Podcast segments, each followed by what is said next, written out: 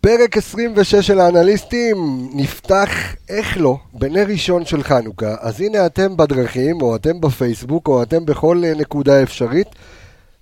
תקשיבו איתנו, אנחנו רוצים עכשיו להדליק נרות, אנחנו נתחיל את זה בברכה. נר ראשון של חנוכה, זכינו.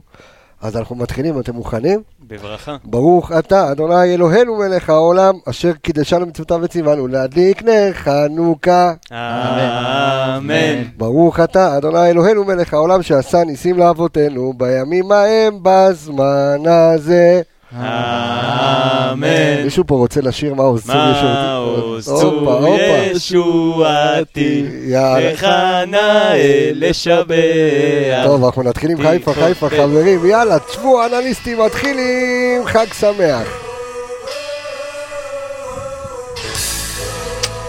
תודה רבה לנדב דרעי.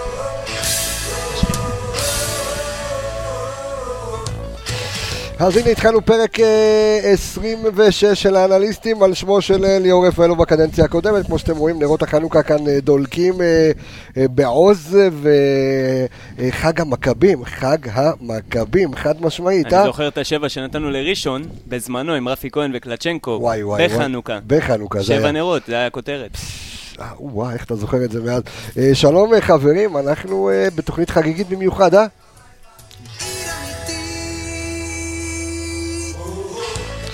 איזה כיף לנו. טוב, אנחנו התחלנו ויש לנו הרבה על מה לדבר. קודם כל, אה, אנחנו התבשרנו כולנו שקיבלנו את אום אל-פחם אה, בגביע. כמה. מפתיע. כמה מפתיע. אחרי הרעיון אתמול של ברקוביץ' בסוף המשחק, שאלו אותו כן, מה כן, הוא כן, רוצה. כן, כן. אמר אני רוצה מכבי אבל הוא אמר אני רוצה סמי עופר. הכל, כן. אז הוא לא קיבל סמי עופר, קיבלנו עפולה. הם יכולים להחליף, ואז הם יקבלו יותר הכנסה. אבל זה הולך להיות, אה, כיף, ואתמול באמת, ה- כל השמחה לאיד שרצה ב- ב- ברשתות החברתיות, אז יש מכבי תל אביב הלו, קבוצה לא קלה, אה, אום אל-פחם, נכון?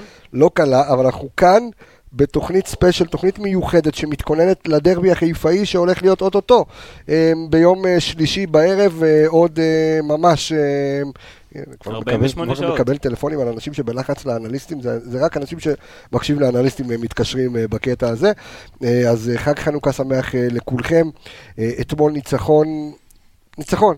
ניצחון, אני לא, לא רוצה להפריז, אנחנו ניגע, אנחנו נתחיל וניגע כמובן אה, בניצחון הזה, ואני רוצה אה, לפתוח את הפודקאסט הזה. אה, רגע לפני שאני גם אגיד לכם שלום, סמי פפיסמדוב, שלום לך, דור וייס, אלכס. מילוש, אה, ולאנליסטים שנמצאים אה, ברוחם ובנפשם איתם גם כן, ערן יעקבי ועידו שטראוס ולירון איפרגן. אה, וחברים, מילה אחת. האנליסט החדש שלנו, שכחת אותו. רגע, אה, ועומר איילון, נכון, עומר איילון, עומר איילון, תתחיל לבוא יותר, נכון, צודק.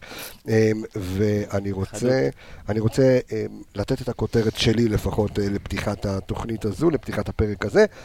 פוקס, או בשתי מילים, ז'יאנדו פוקס.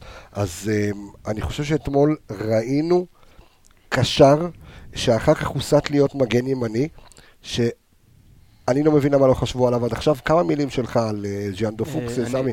קודם כל, אנחנו, גם שמאזיננו המאזינים אה, ידעו, אין, אה, אין נתונים מהמשחק אתמול, InStat וכל זה. מה שיש בליגה, אין את זה על הגביע. נכון. אין לנו בעצם איפה להביא מספרים. אני דיברתי לך גם לפני, דיברתי גם עם חברים אתמול, אה, ודיברנו המון שפוקס כן צריך לקבל את ההזדמנות, כי בכל זאת הוא בן 21 עם שלוש שנים מלאות ב- בליגה השנייה בצרפת, כנראה שיש בו משהו. נכון. כן. שני משפטים. אתמול, אני אישית, לא היה חסר לי נטע באמצע. אם למישהו היה חסר נטע באמצע, הרגיש בחוסר שלו שיתוודה עכשיו, או שישתוק לנצח. לא, אני לא, אני לא. ועוד לא. משפט, עברנו כן. מיהדות לנצרות ככה. כן, נו. הכל, הכל, אנחנו כן. פה פלורליסטים. החג של החגים, אנחנו גם בחיפה. אתה יודע מה שקורה פה ב- בזה, טירוף. טירוף, ובמושבה הגרמנית, שווה לכם להגיע. הדרבי ייתן פייט חזק מהמושבה אתמול הגרמנית. בצהריים סובבו רכבים מכל מקום בארץ, אמרו אל תגיעו. טירוף, כן, כ- כיף גדול. עוד, כן. עוד משפט על פוקס, אז דיברנו, קודם כל החיסרון של נטע לא הורגש. זה לזכות פוקס חד וחלק, אה, וגם זה שהוא בסך הכל עם אולי 45 דקות השנה. מישהו הרגיש 120 דקות, הוא מתח שריר או משהו, זה כלום. אתה מרגיש איפה שהוא משחק, כאילו הוא חלק מהקבוצה, כאילו הוא יודע ללחוץ. אלא- הרווחנו, אין לנו מספרים, אבל הרווחנו אתמול המון כדורים בחצי של היריבה, הוא עזר בלחץ, הוא ניקה, הוא, הוא אמנם לא גבוה, אבל הוא כן פיזי, ראיתי שאנשים אומרים שהוא קצת לא פיזי, קצת בלי חשק, אז הוא, הוא גם פיזי. הוא גם מציל שם את הגול בהשתתפות ב- בקרן, מדהים. מדויק מאוד. לא יודע, אין לי, אין לי מילה רעה להגיד. אני- אפילו לא אחת. אני, יש לי הרבה מילים טובות להגיד, אה, דור וייס. זהו, אני צריך להגיד משהו, אני קצת אצנן את ההתלהבות אוקיי, כלפי פוקס. כן. אה, נכון שהיה לנו משחק טוב, אני לא אומר שהוא שהוא לא היה בסדר, אבל צריך לזכור שזה רק משחק אחד. אה, לא שופטים שחקן ולא מכתירים נכון, נכון, שחקן, נכון. לא, כי בתגובות ברשת וזה, מכתירים אותו עכשיו. לא, ל- לא הכתירו, אבל אני אני רואה. שהרבה הרבה אומרים שמגיע לו צ'אנס. זה מה לא, שאני אני אומר. גם, אני לא אומר שהוא הכי אני טוב בליגה או ספציפית משהו. כלפי אתמול הפריעו לי שני דברים שראיתי. לגיטימי. אה, דבר ראשון, הפריע לי שהוא טיפה התמהמה עם הוצאת כדור, יכול להיות שזה גם את כושר משחק שלוקח לו קצת להיכנס. אז זה- תמהמה מהוצאת כדור. כן, כאילו הוא קיבל כדור, ולקח לו, מה שאני שמתי לב אתמול, לא והסתכלתי על העביר זה, צעד מהר מספיק. לקח לו קצת זמן, וגם היו טיפה גם עיבודים כתוצאה מכך. ודבר שני, הייתה לי בעיה קצת במחויבות שלו. היו, למשל, דקה 78, הייתה לו, הוא איבד כדור בקרוב ל-16 של אה, נס ציונה, והוא לא רץ אחרי, אחרי השחקן שחטף לו. זאת אומרת, אני נגיד משליך את זה כלפי נטע, או יובל אשכנזי אוהב לי כדור, אני בטוח שהם מתאבדים על שחקן השני והולכים לחטוף לו. אז זה ככה שני נקודות שאני, שאתמול הציקו לי. אה, חוץ מזה, רואים שהוא שחקן. מגיע לו צ'אנס, זה נכון, אבל טיפה צריך אה, לחכות עם ההכתרות ולתת לו לטווח ארוך לראות מה איתו. הוא כיום, הוא שנתיים צעיר מנטע. אם הוא מקבל עכשיו שנתיים, 25 משחקים כל עונה. לא, אני אומר, בוא- אין לי בעיה. בוא הוא נ- נראה- בוא נח- בוא היסודות נזכור- טובות, והוא נראה שחקן מעולה, אני רק אומר שצריך לחכות שנייה עם כן, ההכתרה. אבל... אה, אני רוצה רגע לחזור ל- למה שדווקא אתה אמרת, הפריע לך הנגיעה בכדור, ושוב, חבל לי בנקודה הזאת שאין נתונים, ואולי זה מהתוכנית שלנו, שהיא באמת תוכנית שיש לה את, יש לה את ההשפעה ויש לה את הכוח. אני, אני חוזר על דבריו של סמי, אינסטאט, וואי סקאוט, אין, אין, אין אין. אין נתונים. על המשחק הזה. טוקאווי, בית 365. רק תוצאה לא ו-. בדיוק, תוצאה נכנסנו לאתר של, דרך, אני רק רוצה להסביר ל- למאזינים. ו- זהו, אני רק רוצה להסביר לצופים שלנו ולמאזינים שלנו, אה, שלרוב נתונים אנחנו אה, לוקחים דרך האינסטאט או דרך אה, האתר של מנהלת הליגות לכדורגל, שלוקחים את זה מרדווד ומאינסטאט, לכל מי שרוצה להבין מה זה, אז אינסטאט זו תוכנת הסקאוט והדאטה הגדולה בעולם, ואיתה אנחנו משתמשים, איתה גם אה, למדתם אה, בקורס אה, לעבוד, ו... ומשום מה אתמול לא, לא היו שום נתונים על המשחק הזה, אז לכן אנחנו ככה מביאים מהמקצועיות שלנו גרדה ולאו דווקא מנתונים אה, סטטיסטיים. ההתבוננות אה, במשחק. כן, אה, פר אקסלנס, אנחנו לקראת הדרבי, אנחנו אה, נפגיץ אתכם כאן בנתונים שמאוד מעניינים ומאוד זה, אבל, אבל כן, תמשיך את המשפט שלך לגבי... אה, אז אני אמשיך לנקודה שרציתי להגיד. קודם כל, שוב, אני לא סיימתי את הנקודה שרציתי קודם. אני קורא מפה, באמת מהתוכנית שלנו, למי שנמצא שם בקברניטים, תתחילו לצלם ותתחילו לעשות גם נתונים למשחקי... אה, לא, יש להם, יש להם, הם- מכבי חיפה עושים לעצמם נתונים, פשוט לא, לא, אני לא מדבר על מכבי חיפה, אני. מדבר על זה ברמה של מינהלת והדברים האלה, כי זה חשוב. כן. על אחת כמה וכמה שסיבוב ח' אנחנו יודעים שסיבוב ח' קבוצות מליגת העל מצטרפות. אז אתם לא רוצים לצלם את הסיבובים הקודמים, ליגה א' וכאלה, אני בסדר היה. קטע מצחיק אה, היום בבוקר שניר ברקוביץ' התראיין, אה, ואיביץ', הוא הגיב לרעיון של איביץ', ואיביץ' אמר, אה, אני ראיתי את הוידאו לפני כן של אה, אום אל-פחם, והתכוננו לפני, וניר ברקוביץ' אמר, אני לא ידעתי בכלל שיש לי וידאו בכלל להתכונן, כן. אז גם אני לא התכוננתי לזה. אז אה, אז כן, זה מאוד חשוב, הדאטאות האלה, כדי שיהיה אפשר להתכונן למשחקים עכשיו, כאלה. אם אני חוזר רגע לפוקס, וחבל לי מאוד בנקודה הזאת שאין לנו ספציפית נתון אחד, וזה נתון הנגיעות שלו בכדור. כי אני דווקא הרגשתי שהוא משחרר מסירה מאוד מאוד מהר. הוא הוא קורא את המשחק. אני ראיתי בפוקס, אני ראיתי יותר יובל אשכנזי מאשר נטע. אני לא... ראית ראית אותו יותר שמונה מאשר שש. בדיוק, אני לא... שבע.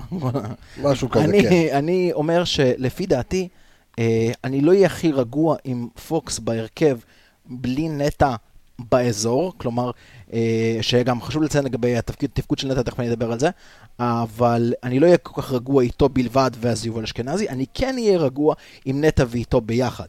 דרך אגב, אם שניהם משחקים, אני אישית חושב שאני שם את נטע לפני פוקס. זאת אומרת, נטע כשמונה ופוקס כשש. כן, כי נטע, כי נטע העלה השנה את הרמה שלו מבחינת כדרור, מבחינת בעיטה. הוא, לקדם הוא, את הוא, המשחק. מתחיל, הוא מתחיל בעצם לתפוס את התפקיד הזה של לא רק הקשר האחורי, גם של ה-50-50, הוא מוסיף ל- ל- ל set skills שלו עוד אלמנטים דרך שהוא אגב, חייב. כמגן הוא גם הראה ש... קודם. כל שהוא אינטליגנט מאוד והוא התאים את עצמו לתפקיד מאוד, וגם הדריבלים שלו, שהם עוזרים באמצע, יש לו אחוזים, אנחנו מדברים על זה תמיד, שיש לו אחוזים מדהימים, גם אתמול כמגן, הדריבל יפה, אז אם והיכול אתה- שלו לעבור שחקן ובעצם לפתוח, זה הייתה. הברקה של מרקו בלבול אתמול לשים את נטע כמגן. אבל, זה בדיוק. הנקודה, הוא לא לא בדיוק. שיחק כמגן. זה, זה הנקודה שאני רוצה להעלות, הוא לא בדיוק היה מגן, אוקיי?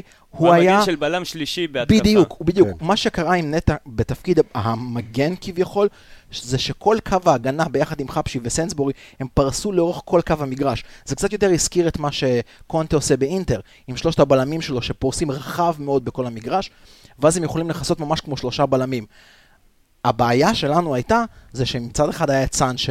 אתה יודע, היה לו לרוץ בצד שמאל. מצד ימין, ראית שהוא כל הזמן מחפש, כי הוא כל הזמן החליף מקומות בין חזיזה לסוליך, כל פעם, כל פעם הוא נכון. החליף מקומות.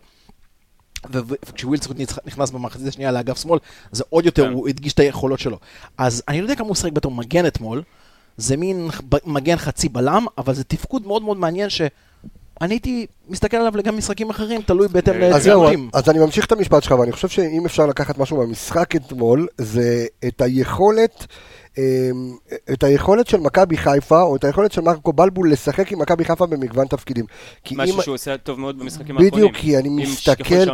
דרך. אגב, אתמול, ואנחנו ניגע בזה גם כשאנחנו אה, נעשה את הנתונים לקראת הדרבי, אני ראיתי אתמול את אה, אדון אה, חזיזה, שיכול להיות אחלה חלוץ, דרך דיברנו אגב, על זה, נכון? אחלה חלוץ, יכול הגול שלו עם סן מנחם, בדיוק, נכון, דיברנו על זה לפני זה אותו התוכנית. מהלך של זהבי ודסה שהם היו עושים קבוע, שזהבי היה מוציא לדסה ונכנס בדיוק, בדיוק, עשו את זה זה סוג. של דאבל פאס, כי הוא התחיל את המהלך כן. והוא קיבל אותו בסופו של דבר לנגיחה. זאת אומרת, למרקו בלבול יש קבוצה מאוד מאוד ורסטילית, ואתמול נגד נס ציונה היה אפשר לראות את זה, על אף, אתה יודע שכולנו חיכינו, ואתמול, אתה יודע, זה היה כיף, לקחתי את הילדים אתמול על המגרש, ושלוש בצהריים, ותענוג. דרך אגב, זה טוב, זה כן, תענוג. זה- זה כיף גדול, אמ, זה העריך יותר ממה שחשבתי, אני בניתי... העריך ובחמש וחצי אתה עוד יוצא מהאציון אחרי הערכה, אחרי בדיוק, הכל. בניתי על 90 דקות, אבל לא כך היה, ואני חושב ש... אבל בוא נשים רגע את הדברים על השולחן. מכבי, אה, אומנם ההגנה מאוד מיוצבת במשחקים בדיוק, האחרונים. שני דברים שרציתי להגיד על בדיוק, המשחק. אז שנייה רגע, אתה, אתה תכף תמשיך. משחק ההגנה של מכבי חיפה מאוד, מאוד יציב. אנחנו רואים שלושה משחקים, מכבי חיפה, אה, חוץ מהמשחק אתמול ספגנו גול, אבל ההגנה... אבל חוץ מזה ההגנה הייתה הייתה באמת בדיוק, טובה. ההגנה היה לך שני ברזל, שינויים, גם נטע וגם אבל- חבשי, ולא הרגשת את אבל זה. הקבוצה לא טובה. הקבוצה עייפה.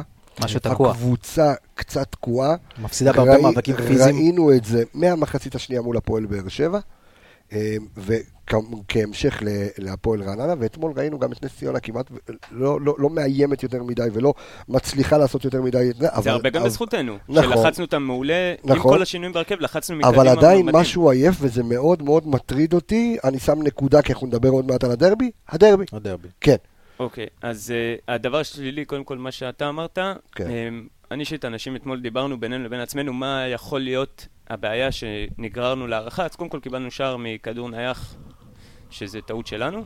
חוץ מזה הם לא הגיעו לחצי מצב, תקנו אותי אם אני טועה. נכון. Um, הם אה, הם הגיעו דברים- למצב ברחבה מערבוביה, אבל פוקס אה, הוציא.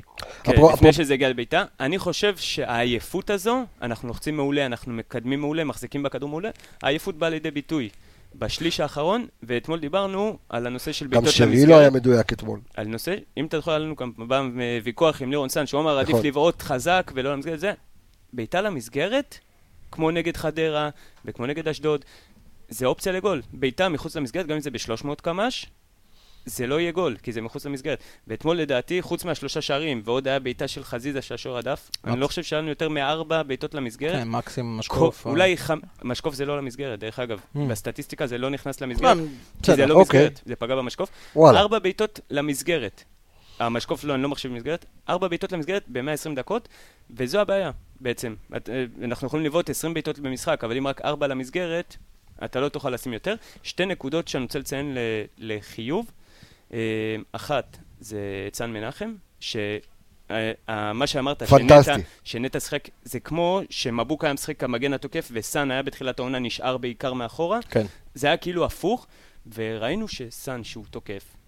שמע, הוא מגן, הוא מגן. מי שראה בהילוך חוזר את הכדור, בגול ספציפית, כי בתקציר אין. את ה- שהוא הרים את הכדור לחזיזה, שחזיזה החטיא.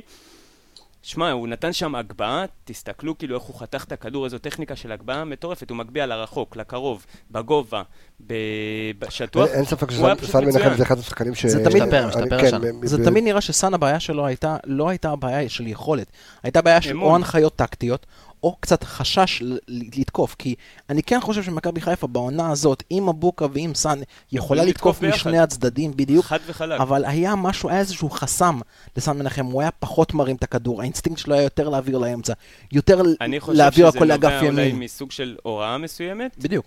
אה, דיברנו על זה הרבה, אנחנו לא נדעת שלא תביא לנו את מרקו פה ככה לאיזו... הוא יגיע, שיחה? מרקו יגיע. לך. עוד משהו חיובי, שאני מתקשר למה שאמרתם קודם, על הנושא ההגנתי בכללי. כמו לנו שני חילופים בהגנה. אם ואם אתה לוקח את הקשר האחורי, את השש, כי גם חלק מההגנה, אז זה בעצם שלושה חילופים, כי פוקס, אה, נטע וחבשי זה כביכול שלושה שינויים. וגם נגד, אחרי השלישייה נגד אשדוד, נגד באר שבע, נגד אה, רעננה, ואתמול, לא מגיעים נגדנו למצב. מגיעים קרוב, מגיעים לזה, אבל כמו מכבי תל אביב, שהיינו אומרים שהכדורים שורקים אבל לא נכנסים, שהקישור זה בולם, מה שהגיע. הקישור בולם את ההתקפה לפני שזה מגיע. נכון, בגלל זה נכון. גם אנחנו ראינו, אנחנו את- מקלים. למשל, שלושת האליפויות של באר שבע, אנחנו ראינו עם שוער שהוא לא אולי שוער אה, ליגת... דודו גורש, חיימוב, כאלה, בדיוק. כן. נכון, ראינו אותם, אבל למה? כי עד שאתה מגיע לשוער הזה, אתה. בוגו, וויטור, ושיר צדק ב- בימיו הטובים, ו- וזה בדיוק הנקודה. השוער צריך- לא השוער. צריך להיות בסדר, וה- וה- וההגנה כן. והקישור צריכים להיות אה, טובים מאוד. קודם כל השוער יש דברים פלוס. שלא רואים, שהוא כל, ה- כל העניין של לכוון את ההגנה. ינוטיס, אה, לא יודע, סטטיסטית, אני גם חייב לציין שאני ראיתי- הספיגות לעומת טננבאום זה, זה אומר ד, אה, דרשני. כן, אבל אבל אני אתן לך אה, הבדל בין, כי אנחנו מדברים על שני מצבים נייחים. אנחנו מדברים על קרן, שאום אל-פחם הפקיעו בה 2-1. תעצור, תעצור, אל תשכח את מה שאתה רוצה להגיד. אתמול, בפעם הראשונה ב- אה, בתולדות מכבי חיפה 2019-2020, מכבי עושה תרגיל בקרן. אתמול היה קרן אחת, הקרן הראשונה, אה, מכבי עשו את התרגיל רכבת, אחר כך לא חזרו על זה, אבל אה, כנראה מישהו מקשיב לנו, אז. יש, היה תרגיל בקרן אני אחד, אסייג משהו, כי אני כן. חושב שיש תרגילים בקרנות שאנחנו פשוט לא מזהים, כמו אוקיי. הגול של שרי, ההקפצה בכפר סבא, שזה בא מקרן קצרה, שזה גם יכול להיות לא, גם סוג אתמול הייתה- גם תרגיל. אתמול הייתה קרן קצרה אה, לסלליך, אבל... אתה מעלה נקודה אוקיי. שחשוב שאולי נסביר למי שמקשיב לנו קצת, מה זה, תרגילים בקרנות? תרגילים בקרנות זה לא כמו התקפה בכדורסל, pick and roll, זה, זה, תרגילים בקרנות זה בעיקר חסימות להתפנות של שחקן לכל מיני נקודות. נכון. או. לפינה הקרובה, או לפינה הרחוקה, נכון. אבל זה נובע מעוד שחקנים אחרים שעושים את החסימות. למה אתה עושה את הרכבת הזאת? או לחמש. אתה עושה את הרכבת הזאת כי אתה אחד, בדרך כלל השחקן בסוף הרכבת, הוא השחקן שאתה רוצה. שינגוח, בדיוק, נכון. ואתה אתה דוחף קדימה את השחקנים. עושים את זה, אבל לפעמים החסימה לא נכנסת כמו שצריך. יש פה גם פרמטר של עייפות, יש פה גם פרמטר של כושר משחק. של דיוק, של המהלך. בדיוק, לפעמים זה... גם המרים צריך להרים כמו שצריך. עכשיו, אני חוזר רגע, כי אני ראיתי, ש... אה, ב- ב- אתמול אחרי המשחק, ראיתי קצת אה, ביקורת על ג'וש כהן ב- במהלך, ה... אה, במהלך המשחק, וראיתי, אנחנו גם, אה, עידו קצת ביקר אותו במהלך, בקבוצה שלנו. חשוב לי רגע לציין, שני הגולים מאוד מאוד דומים, שני מצבים נייחים, מצב נייח של נס ציונה, מצב נייח של אום אל-פחם, מהקרן שהם עשו את ה-2-1. כן. ההבדל. 2-1, ההגבהה של אה, אום אל-פחם הייתה לתיבת החמש של ינוטיס, הוא היה צריך נכון. לצאת ולקחת את הכדור הזה. הוא נשאר על השער, הוא עשה חצי תנועה קדימה, צעד אחד אחורה, כבר היה מאוחר, הוא. קיבל את הגול, ראית שהוא גם נגע בכדור, שהכדור נכנס. ההגבהה של נס ציונה הייתה מצוינת. ההגבהה של נס ציונה הייתה בדיוק לנקודה שאתה רוצה, שרחוקה מדי מהשוער. בדיוק, השוער לא ממש יכול לצאת לשם. ומי שעבר את קו הנבדל? חברנו אני חבשי. חבשי. שבר את קו את וגם קו הנגיחה. לא רק שהוא שבר את קו הנבדל, גם הנגיחה הייתה מעל הראש שלו. נכון. אז אה, כן, ככה לסבר את האוזן, שהגול, אה, למרות שהוא נתן משחק טוב אתמול חבשי, הוא היה מצוין אה, במשחק היה- הרגיל. היה מצוין. וגם במחצית. השנייה, כן, סנסבורי שומר על, אני- אני- אני מאוהב בבלם הזה, אבל אני חושב שחבשי גם אתמול נתן משחק טוב, אבל בוא בוא נגיד את הדברים אה, בשם אומרם, הגול היה שבירת נבדל שלו ועל הראש של, אה, שלו עליו, שהיה כן. יכול להימנע, אבל בסדר, חלק מהמשחק. בסוף ניצחנו. עוד נקודה-. עוד נקודה שאני רוצה לג- לדבר לגבי... אתה, מתי, אתה רוצה לדבר על התוכנית הזו? כי אתה אני רואה, אתה אתה מקשיב נהנה לנו, אתה- כן, אתה אני- נהנה, אוקיי, טוב, אני מחכה למוצא פיך. אני רק אומר, אתה יודע, כל הדפים וכל הנתונים פה זה אתה מביא לנו, אז נכון, זה- נכון. זה צריך איזה, כן. עוד נקודה שאני רוצה לדבר לגבי המשחק אתמול, וזה הנושא של אה, דולב חזיזה. אז אני קצת אבאס את האוהדים של מכבי חיפה. דולב חזיזה הופך מבחינתי להיות שחקן העונה של מכבי חיפה. עם כל הכבוד לטיירון שרי, זה, זה שחקן שהת... בוא נגיד את זה ככה, הברומטר. בשמונה השנים הגרועות של מכבי חיפה, מכבי חיפה התפללה לשחקן שיבוא מלמטה, שיבוא מהקבוצות אני- אמצע אני- מטבלה. אני הולך לשמוע עכשיו משפט של שגיא כהן. דולב אחרי זה הולך להתפתח להיות... מתפתח להיות ה- בדיוק. אני מנעתי מעצמי להגיד את זה. כן, נו. אבל המחויבות שלו, אתה יודע, היה, מהלך שהוא איבד כדור, ב... רץ כמו מטורף. רץ עד הקצה השני והוציא את הכדור.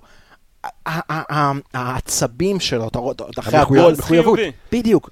רץ. לקרן, רץ ספרינט לקרן להרים אותה, רץ ספרינט יש, להוציא יש. משהו ברוע הזה, שזה מה שמכבי חיפה ציפתה כשהיא מביאה שחקן מהקבוצות אמצע טבלה ומטה. אתה רוצה שחקן שיבוא ויגיד, fucking, אני לובש את החולצה של מכבי חיפה, אני הולך למות אני היום, הולך עוד למות לנצח. על הדשא. ו- ודולב חזיזה וגם יובל אשכנזי מייצגים את זה. שרי מדהים, שרי סטאר, כל נגיעה שלו בכדור, למעט אתמול, זה, אה, זה הצגה, אבל מבחינתי, אם יש משהו שמסמן את מכבי חיפה עונה, זה דולב חזיזה. אני רוצה, אפרופו, אה, להמשיך את מה שאתה אומר, ולתת אה, קרדיט לבחור בשם עדי הרונגי. אה, מקבוצה נחמדה מאוד אה, בפייסבוק שנקראת עובדות לא חשובות על מכבי חיפה, ויש נתון מסחרר שאתמול ראיתי אותו. דור הביא את זה קודם. אני חייב. להגיד, אתה ראית את זה קודם? דור הביא את זה קודם. אני. ראיתי את זה אתמול בלילה, אז אני... דור הביא את זה קודם בקבוצה. כן, אז, אז קרדיט גם להם וגם לך דור כמובן. אה, אז יפה, יפה, טוב. תן אני- אותה, אבל לא אמרנו אותה. כן. אה? לא אמרנו את העובדה. אז, אז לא, אז עכשיו אני אומר את, העובדה. או אני קורא מהיום לאשכנזי, אנחנו גם אחרי התוכנית, אנחנו נפנק אותו באיזשהו אה. סטורי. באיזשהו סטורי לחנוכה בוורמוס חיפה בא- באינסטגרם שלנו, ואני קורא לו the ספתח man, איש הספתח. כן. אה, אה, אז יכול להיות ספתח שועה, ו- אבל הוא יכול להיות אה, הוא באמת איש הספתח. למה? כי אה, יובל אשכנזי מתכבד בכל ספתח מהרגע שהוא הגיע למכבי חיפה. העונה. אה, העונה, כן, לתת. זאת אומרת, את השער הראשון של מכבי חיפה באירופה נגד מורה, אשכנזי אשכנזי. כבש. את השער הראשון בגביע המדינה מול נס ציונה, אשכנזי כבש. את השער הראשון בליגה. מול רעננה, אשכנזי כבש. מה היה בגביע הטוטו? מה היה בגביע. הטוטו באמת משחק ראשון? אני לא חושב שהיה נגד בגביע נתניה? הטוטו. נגד מה נתניה. בגביע הטוטו? אני לא חושב. ו, ו, ו, והשער הראשון באירופה של יובל אשכנזי היה השער הראשון באירופה. בסמי עופר. למה? לא שיחקנו בסמי עופר. המשחק נגד של מכבי חיפה, כן, לא חיפה. בסמי עופר, כן, כי כן. הפועל חיפה שיחקו לא, נגד אטלנטה, כן. עופר. אבל השער הראשון של מכבי חיפה אי פעם בסמי עופר היה גם של יובל אשכנזי. זאת אומרת, אם אתם רוצים לסמוך על מישהו שייתן לכם את הספתח ויפתח לכם את הצ'קרה, אז עכשיו מחכים שמו לפלייאוף. בישראל יובל לא אשכנזי. סתם הוא יושב אחרי הגולים ככה, הוא פותח צ'קרות הבן אדם. בדיוק, אני בדיוק. וכולם יושבים והקבוצה. מצטרפת, זה מדהים. חזק. אגב, אני, אתה יודע, אה, יש vibe של קבוצה. אנחנו דיברנו. שנייה לפני שעלינו לשידור, דיברנו. על המחווה אתמול. אתה ראית את המחווה אתמול של אה, לוקאקו באינטר? לא, לא, לא הספקתי. הבן לראות. אדם היה פנדל לאינטר, הוא נתן, הוא- הוא הפנדליסט נכון. במקרה של לאוטרו הוא לא היה נמצא. כבר עם צמד. הוא היה כבר עם צמד, הוא נתן לילד, החלוץ השני של אינטר שהחליף את לאוטרו, ילד בן 17, אספוזיטו, הוא נתן לו לבעוט את הפנדל. הבכורה. הבכורה. כן. הכובש הכי צעיר בליגה האיטלקית, הוא פשוט נתן לו את הפנדל, הוא בא, אמר לו, קח תיבת הפנדל. המחווה הזאת, זה משהו שמבחינתי, זה משהו שהוא מאוד מאוד מאוד זה מראה מרגש. את המחשבה הקבוצתית, מה- מחשבה. רחבה. זה זה מאפיין לי מאוד את מכבי חיפה השנה, ואני חושב ש... נכון. ו- וזה ו- מה שבאתי נתון להגיד. הבישולים. אתה רואה, אתה יכול אפילו לראות בתוך החגיגות של הקבוצה, את מחוברים. הרצון של החגיג, בדיוק את זה. יש את השחקנים, אתה יודע, שהם רצים, עושים את נכון. המהלך שלהם, רצים ל- ל- לפה, רצים לשם, רצים לספסל, מחבקים את זה. הגול, בדיוק. מקללים, זה... השחקנים, אתה רואה אותם איכשהו מתחיל לרוץ אחרי הגול, מסתכל אחורה לראות כולם. מי מהשחקנים נכון. בא איתו, גם והישיבה הזו. בספסל אתה רואה את זה. גם בדיוק, בספסל, בדיוק. כל מי שגם מחליף גם... ה- אה, הר- הראשון שקפץ עליו אה, על חזיזה גם היה ירדן שועה אתמול אה, בגול של חזיזה הראשון. אז באמת, יש יש כאן איזשהו vibe מאוד מאוד מאוד מזכיר את טוב. רוסו ובדיר, הכאפות שהיו הולכים במשחק אחרי. גולים ודברים. יש כאן... זה יש- קבוצה בריאה. נכון, בימים בדיוק. טובים. יש כאן, אה, כן, ברוך השם, יש כאן אה, vibe מאוד מאוד טוב אה, בקבוצה, אנחנו רואים את זה, ואני חושב שאני ממשיך את, ה, את מה שאמרת לגבי דולב חזיזה על אשכנזי, כי אנחנו קוראים להם החזיזות, שהביאו למכבי חיפה איזשהו משהו ווינרי, גם כשהם הגיעו מקבוצות די קטנות, אבל ההתפתחות שלהם, ה- היכולת שלהם, ואתמול דולב חזיזה, אה, שהספסל התחנן למרקו בלבול, אל תוציא אותו. וזה היה אמור להיות החילוף, הרי ווילדסקוט כן. במקום אה, חזיזה, וחזיזה מגיב בשני שערים אה, פנטסטיים. דרך אגב, ו- מאיפה הביאו את זה ו- שהוא רצה להוציא את חזיזה? זה... ראו, ראו את זה בטלוויזיה. הכתב, אה, השדר קווים, כאילו? לא- כן, שכה, גם ראו את זה בטלוויזיה, את האמת שאני לא עושה, בגלל, לרוב כשאני יושב בעיתונאים, אז אני מסתכל כל הזמן לראות מה קורה למעלה, כי אנחנו ממש מעל הספסלים, אז אני מסתכל, זה, אתמול הייתי רחוק, הייתי עם הילדים, הייתי בצד שני, אז פחות שמתי לב, וגם יותר הייתי עסוק ב- בפופקורן ואבא אני רוצה לשתות, וכל מיני כאלה וזה. ולהיות אבא פגום. בלהיות אה, אבא, כן, לא. פגום, אני אחלה אבא, אוקיי. אבל להיות- אה, ולהיות אה, אבא. כולנו פגומים. בלהיות אבא טוב, אז זו הייתה ההתעסקות שלי אתמול, אבל אני חושב שאתמול דולב חזיזה באמת הגיב בשני שערים אה, לא, פנטסטיים. בסוף מה שקרה עם חזיזה, אבל זה שאוטין הלך לקו שמאל, נכון. בתור קיצוני שמאלי, וחזיזה עבר. לאמצע. חזיזה עבר לאמצע ושם שם בעצם נוצר השינוי. שדרך אגב, דיברנו על זה באחת התוכניות, שחזיזה, אני אמרתי שהוא חייב ללמוד לשחק גם באמצע. הוא התחיל כווינגר ימין, עם העונה הוא למד לשחק בשמאל, כל הגולים שלו באים משמאל, ואמרתי שנגד מכבי תל אביב, מרקו פתח איתו כמתחת לחלוצים, כן. הרי כי כי שרי לא היה בספסל. והוא לא היה טוב, תסדר קצת המיקרופון יותר קרוב. והוא לא היה טוב, או, או, והוא כן. לא היה טוב. הוא לא היה טוב. כשהוא לא. היה טוב שומעים, כן. הוא. לא היה טוב. אה, אבל אה, הנה, עכשיו, אני גם בטוח שככל שיתרגלו אותו, הוא מספיק הוא אינטליגנט. מתרגש לשמוע את עצמו עכשיו. זה- הוא בדיוק הנקודה. הוא ילמד גם להיות באמצע, והוא יהיה שחקן אבל אני חייב עוד להגיד יותר טוב שפה, אפילו. למשל, יש יתרון מאוד גדול לסלליך על וילצחוט בנקודה הזאת, כי... סלליך דרך אגב אתמול, ראית שהוא כמה מתחיל לחזור לזה. כמה שהוא יכל לסחוב.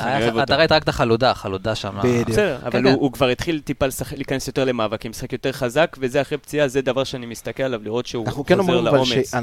דיבר- מדברים על, אה, רכש בינואר. סולליך הוא שחקן, כשהם משחקים בקו הזה, בקו של השלושה הקדמיים, חזיזה, שרי וסולליך, זאת שלישייה שיכולה להחליף על כל התפקידים. נכון, וילצחוט לא יכול לקחת את התפקיד באמצע. נכון. למרות שהוא יכול להיות באמצע רק אם הוא לא צריך לבנות, מוצ- אלא ליד לסיים. החלוץ, בדיוק. בדיוק. אז זה עוד יתרון שיש לסולליך, ועוד יתרון שככל שהוא ייכנס יותר מהר לתלם, ככל שהוא יותר ייכנס מהר לכושר, יש לנו פה עוד אופציה מהספסל. חד משמעית. דרך אגב, יש לנו שלישיית רכש, מי נתן את הנתון הזה? ערן, אתמול, על 6-4, 6-4, 6-4, נכון? יש לנו אה, אה, שישה, אה, אה, שישה שערים יש לדול, בכל, בכל המסגרות יש לדולב חזיזה, וארבעה בישולים, נכון? ויש ל... שרי 4 ו-6. ויש לשרי 4 ו-6, יש ליובל אשכנזי, גם אחרי אתמול. גם 6 ו-4. יובל לא, אשכנזי אשכנזי שבע. שבע. שבע. שבע וארבע השבעה. אולי. או שבע אשכנזי. וחמש. הרס. לא. הרסנו, אבל בסדר, אבל מדהים, מה, מה, הרכש הזה, מייצר גם אה, זה שיש לך הרבה. שחקנים שנותנים מספרים, זה- זה מראה עד כמה הקבוצה מסוכנת מכל מקום, מימין, משמאל, השחקן התקפה, הקשר 50-50, כולם יכולים לתרום, ואז זה- זה הורג את ההגנה ש... אנחנו דיברנו- אנחנו על זה באחת התוכניות, שאני חושב ש-80 או 85 אחוז מהשערים של מכבי חיפה השנה זה שחקני רכש. אנחנו נכון. ציינו את זה באחת התוכניות וזה זה ניכר. כן, לא. גם. התרומה של הקשרים העונה זה משהו שאנחנו לא רגילים לראות בשנים האחרונות. גם בישולים, גם שערים.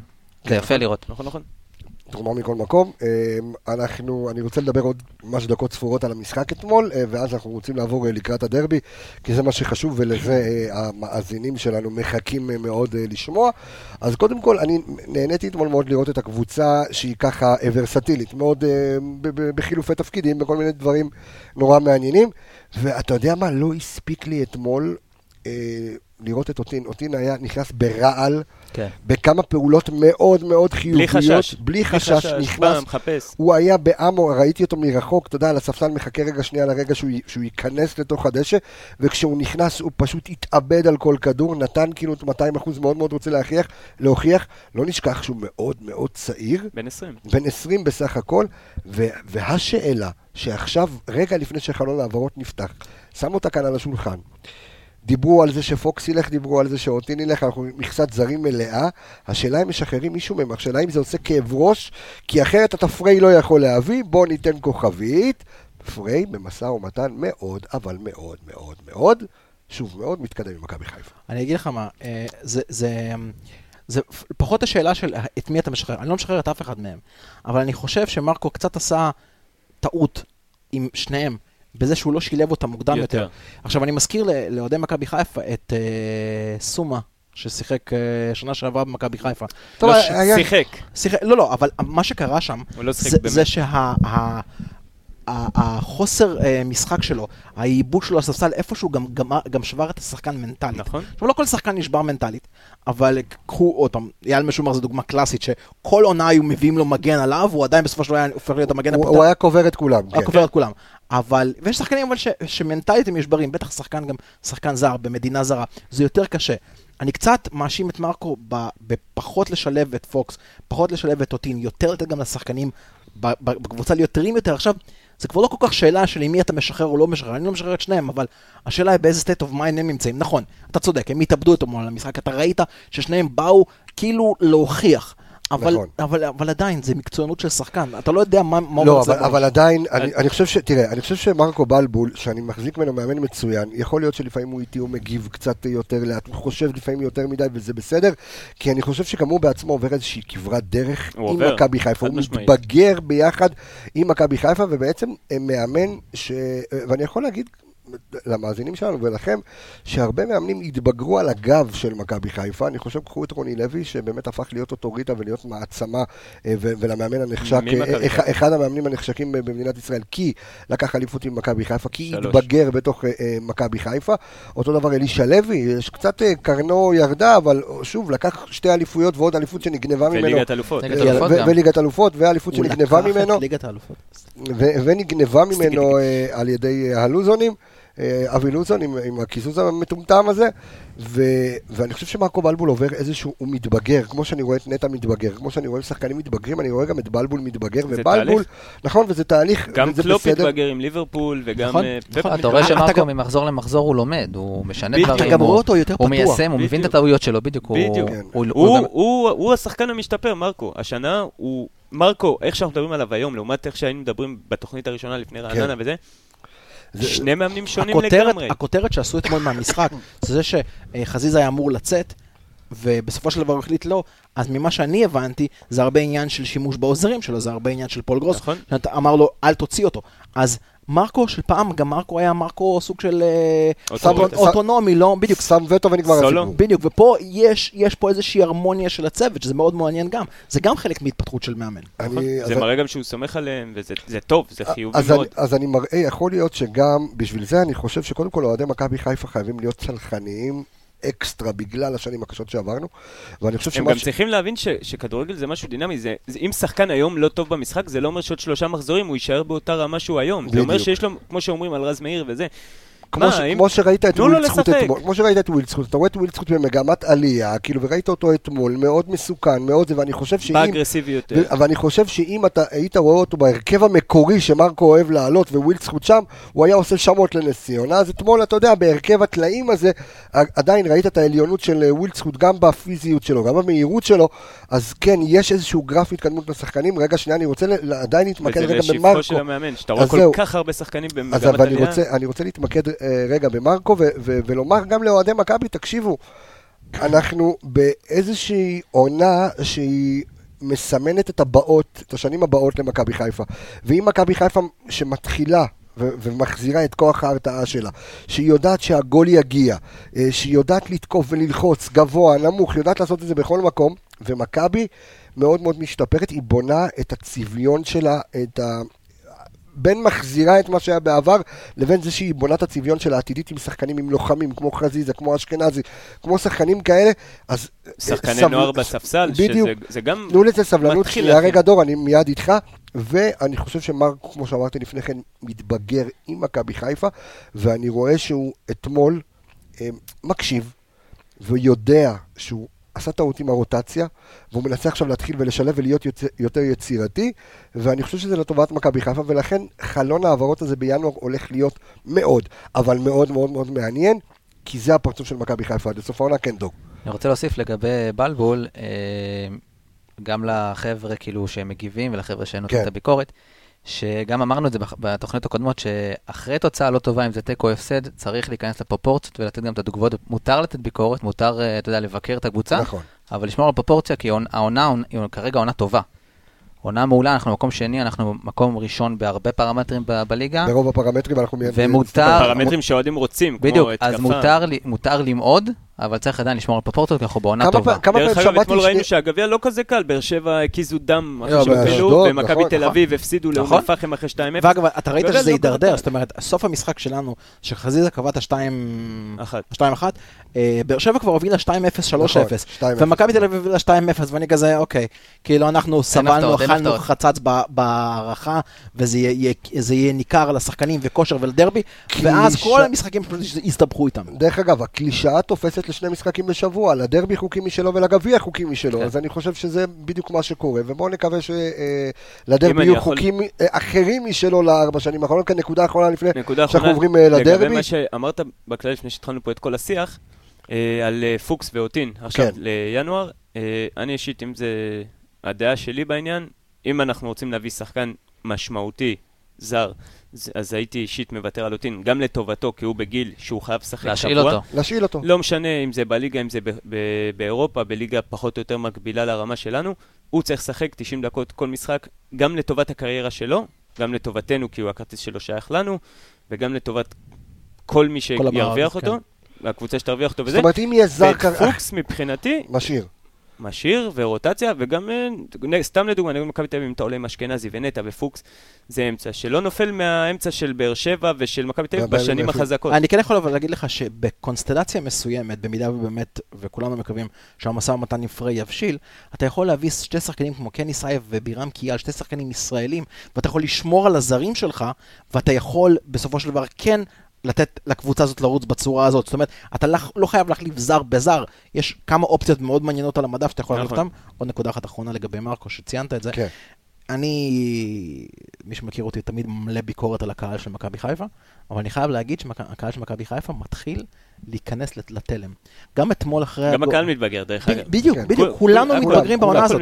כולם. וקודם כל אני חושב שגם לפודקאסט הזה יש, יש משמעות. אנשים יותר מבינים, אנשים רואים אולי דברים שבמגרש הם לא רואים, כי האימפולס שלך זה לצאת החוצה, לבוא ולהגיד, אה, זה לא היה נכון. טוב, זה היה גרוע, זה היה גרוע, ואז אתה שומע תוכנית, אתה שומע קצת נתונים, אתה שומע קצת החזקת כדור, אתה שומע קצת אתה נכנס נסיעות לפרופורציות, מדויקות. כמו שדור בדיוק. אבל. הקהל עצמו מתבגר, וראית את זה אתמול בגול. הקהל לא, אתה יודע, שבר את הכלים, במשחקים אחרים מכבי חיפה אתה סופגת גול דקה 70. ובוז וכזה. אחד אחד בדיוק. הם נתנו לשחקנים את ה drive, והשחקנים נכון. נתנו, החזירו להם בחזרה. בזמן הגול של נס ציונה, הקהל התחיל לעודד.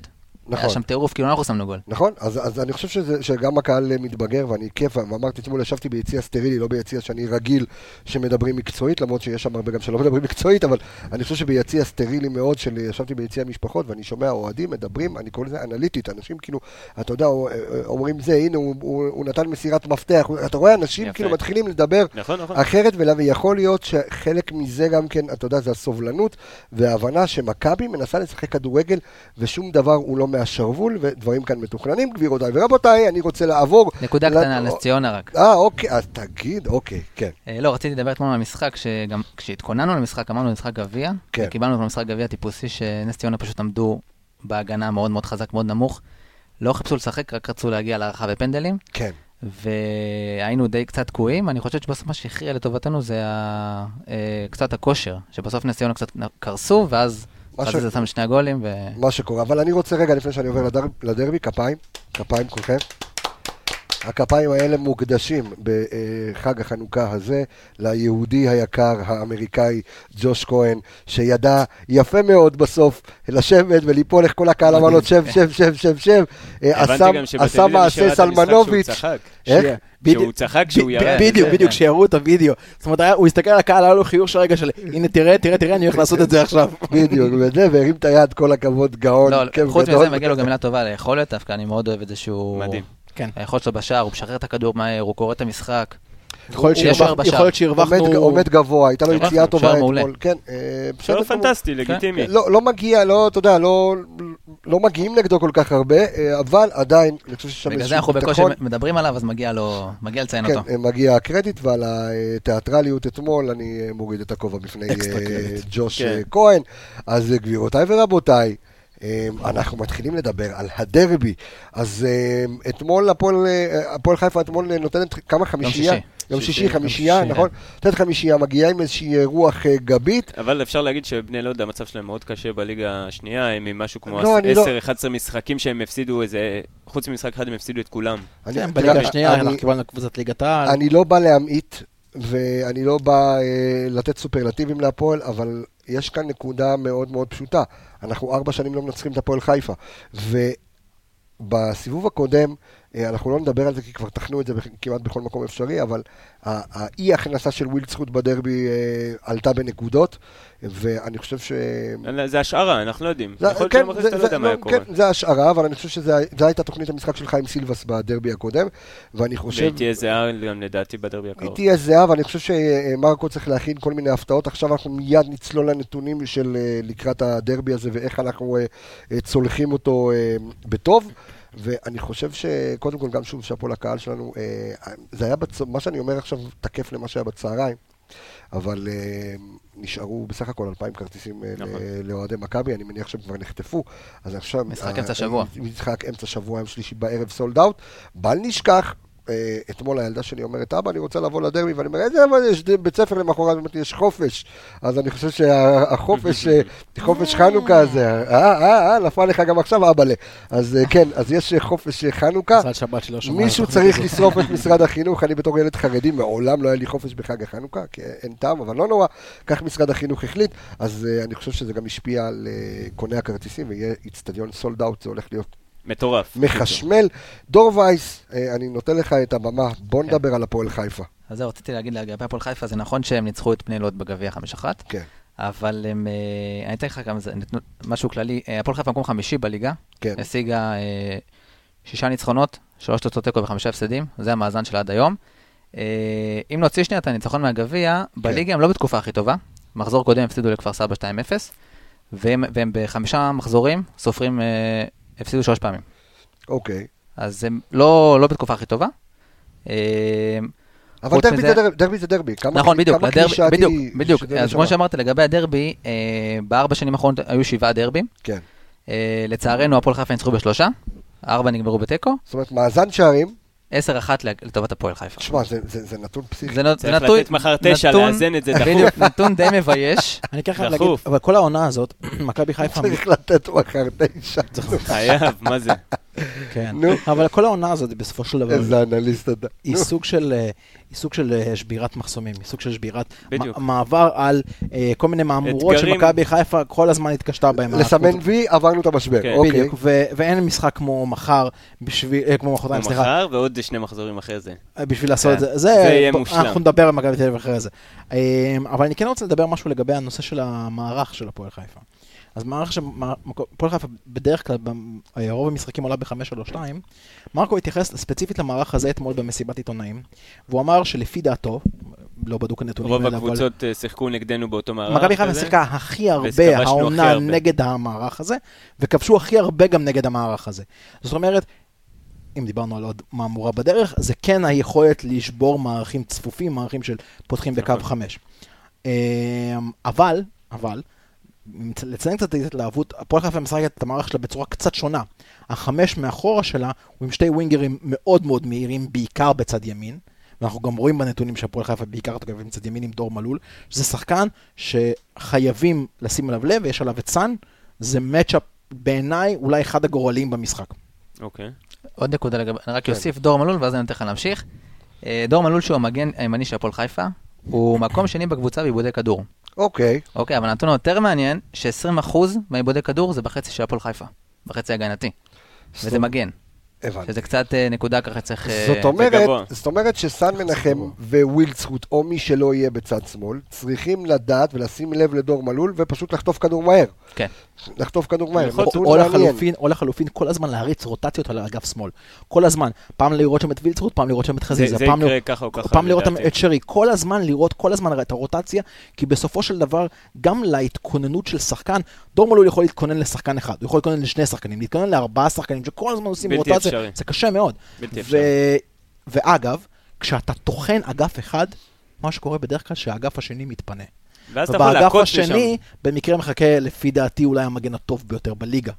אוקיי? בליגה. בעיניי, בעיניי הטוב ביותר, מבוקה, ב- כן. מבוקה וקונט, שהם כן. מבחינתי שני ונגד המגנים בית"ר הטובים ביותר. מבוקה נתן לקונט נוקאוט רציני. בדיוק, ואני חושב שזה עוד, עוד איזושהי אסטרטגיה, לטחון את צד שמאל, כל הזמן להחליף שחקנים, ולדעת להעביר כדור מהר לצד ימין, כי שם יש גם יתרונות. נכון. גם כי שם גם אחרי מבוקה. משחק שם על בלילטי, מבוקה אחרי מנוחה.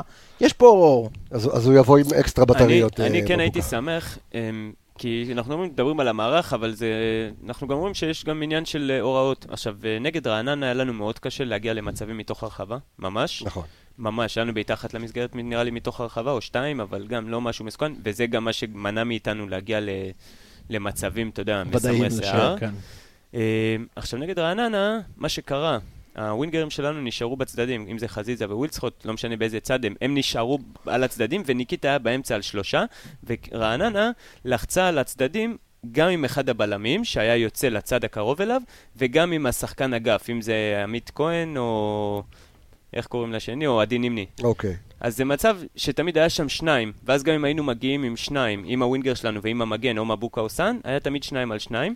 אתמול, לפי מה שאני זוכר, נס ציונה, השלושה בלמים נשארו באמצע, ואז בעצם הגענו להמון מצבים של אחד על אחד באגפים, או חזיזה או ווילצחוט, ובגלל זה היינו גם יחסית יותר זה, מסוכנים. זה בדיוק הנקודה שאתה אומר, אני חושב ששם היה אולי הקלף שהוציא ניסו אביטן ספציפית עם רעננה נגד מכבי חיפה.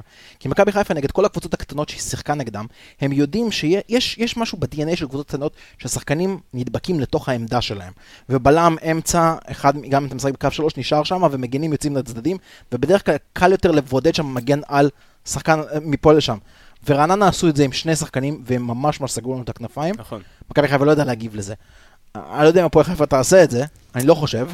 מה, שהם יצאו גם אה, בלם שהם יצאו גם לעזור? בלם לעזור. אם, אז פה זה כבר תלוי בנו. אם אנחנו נשאיר רק את ניקיטה בתוך הרחבה, הם יכולים לעשות לעצמם, יש להם שלוש, של- לפחות אה, קפילוטו ובאבא, זה שני בלמים שהם מנוסים בליגה. גבוהים. יודעים- הם גבוהים. גולן הזה, הוא גם, הוא יחסית טוב, גם ההגנה שלהם לא סבבה, הם ספגו 16 שערים ב-13-14 מחזורים. 14. ב-14 מחזורים זה, זה מאזן בסדר. זה יסמין בוריץ' לדעתי. המאזן שלהם המעולה. מאופס, נכון? 16-16. כן, 16, כבשו עכשיו- 16 שערים כן, וספגו אז זהו, 16. כבשו 16 שערים, שחמישה בפנדל. הכי וואו. הרבה בליגה. הכי הרבה בליגה. כן. אבל זה כן. מראה גם על ההתקפה שלהם, שה... הם כבשו הם כבשו. חמישה פנדלים. כן. הם הם לא החמיצו. הם לא החמיצו. כן. זה אומר שפשוט צריך להיזהר עם הידיים ברחבה. עכשיו לגבי ההגנה של אה. הפועל חיפה, עוד נקודה, אה, כנראה שבליל תפתח מגן שמאלי. אוקיי. אה, משחקים אחרונים ראיתי דווקא שגולן הבלם, הוא הוא- פתח. הוא במקור שלו, הוא מגן שמאלי, אז זהו, אז- בלילטי היה פצוע. בדיוק, אז יכול להיות שם דווקא כן, עם מה שאנחנו מדברים, ש- שהוא בלם, שהוא בעצם גם מגן שמאלי, הוא כן יוכל לעזור. גם יכול להיות שסרדל פתאום יהיה בלם כמו שהיה בדרבי הקודם, אין לדעת. יש דרך-. אגב, בדרבי הקודם, אנחנו שיחקנו בחמש-שלוש, ב- ב- ב- בחמישה בהגנה. לא, אני חושב ארבעה. ארבעה? ארבעה. בטוח? שרי עוד פתח, כן. היה רז מאיר ומבוקה, באמצע היה חבשי וערד. כן. היום ראיתי את ה... ראית את ה... הבנתי, ראיתי. זה היה. לפני שסנסברי הגיע?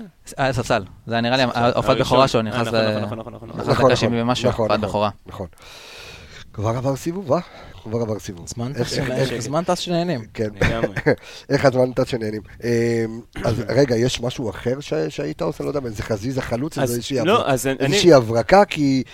שמע, זה... כי אולי, שנייה אנשים- רגע, שנייה רגע, כי אני, אני ממשיך את הדברים שלו, כי אולי הדריבל של חזיזה למעלה בתור חלוץ יכול להביא לנו הרבה פנדלים. דיברנו על זה קצת לפני נכון. התוכנית, אה, וכן, אני, אני גם, אפשר גם להגיד שלפני נס ציונה, שדיברנו על מגן ימני וזה, אני זרקתי גם את חזיזה כמגן ימני, כי הוא גם יודע לחלץ, הוא גם מהיר, כן. יש לו דריבל, הוא יכול להיות מבחינתי גם חלוץ, עם הדריבל שלו, הגול שלו נגד ביתר בתוך הרחבה, הגול שלו אתמול מראה לי שהוא יודע גם לתת נגיחות, הוא יודע לעשות את התנועה, נכון. להיכנס להגבהות, אה, אז זה לא משנה מה יופיע על הדף, זה משנה מה יהיה על המגרש, לא משנה אם תקרא לו חלוץ או שתקרא לו ווינגר, אבל בפועל הוא יעשה את התנועה לתוך הרחבה.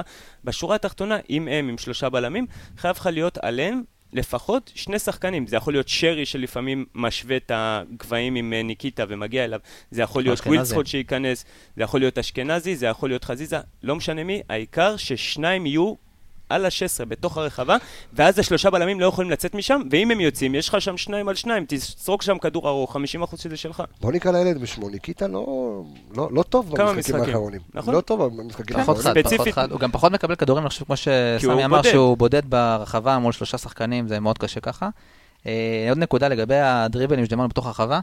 אה, בן ואהבה, דווקא נתון שהפתיע אותי, חמישי בליגה, בתיקולים מוצלחים. וואלה. כן, יש לו 72 אחוזים.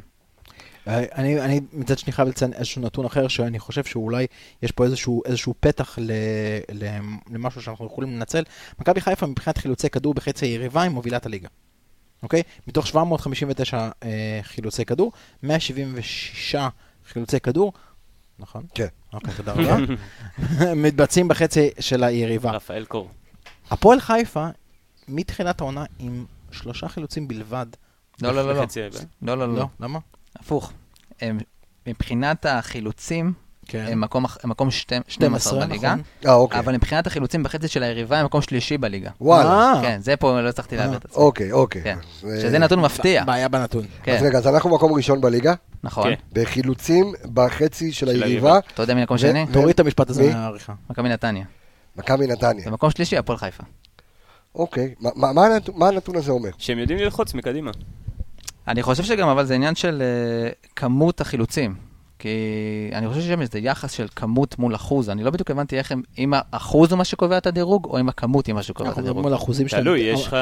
שם די דומים. וכן, 0.23 לעומת 0.21, יש לך אחוזים מאוד מאוד דומים מבחינת חילוצי כדור. זה- בעיניי זה גם פונקציה של מי משחק שם. אנחנו יודעים שלמשל שחקן כמו גידי קניוק הוא שחקן שמציק מאוד. נכון, הוא יודע. ללחוץ. הוא יודע ללחוץ, נכון. הוא יודע לתפוס את השחקנים בזווית הלא נכונה, הוא יודע ללחוץ גם על הקשר האחורי, גם על הבלמים. אה, שחקן כמו, אה, לא בן בסט, אבל דווקא שחקן כמו נס זמיר, הוא שחקן מהיר, הוא שחקן שכן מטריד זה- את זה- הבלמים. דרך אגב, זה השחקן שאני הכי אה, חושש ממנו. נס זמיר? בהפועל חיפה, כן. אני חושב שהוא השחקן... ורמוט.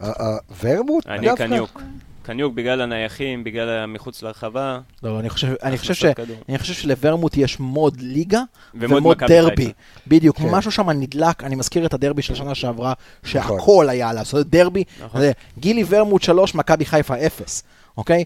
ומשהו שם, כשהוא רואה את מכבי חיפה, אני לא יודע מאיזושהי סיבה, משהו שם נדלק, הוא פתאום מקבל כושר של שחקן שכאילו בין שעלה עכשיו. 25-26, כן, הוא- הוא הוריד רץ. עשר שנים מהחיים. כן, הוא רץ, הוא זה, ואגב, למרות שהוא שיחק כמעט, אם אני לא טועה, 70 דקות אה, ביום אה, שישי נגד בני לוד, אה, והוא גם מעורב בארבעת השערים של הפועל חיפה. נכון. גילי ורמוט הוא האופציה היצירתית היחידה של הפועל חיפה מקדימה, דור מלול הוא האופציה ההתקפית הטובה ביותר להפתיע אותנו מהצד, וגידי קניוק הוא האופציה היחידה מבחינת אה, מצבים נייחים, לחץ ודברים כאלה. סגור את שלושת השחקנים האלה, אני חושב שאתה תהיה רגוע מבחינת הפן ההגנתי, מבחינת לא לספוג. מה, איך אתה תתקיף, איך אתה תעשה, כבר אנחנו דיבר, דיברנו על זה.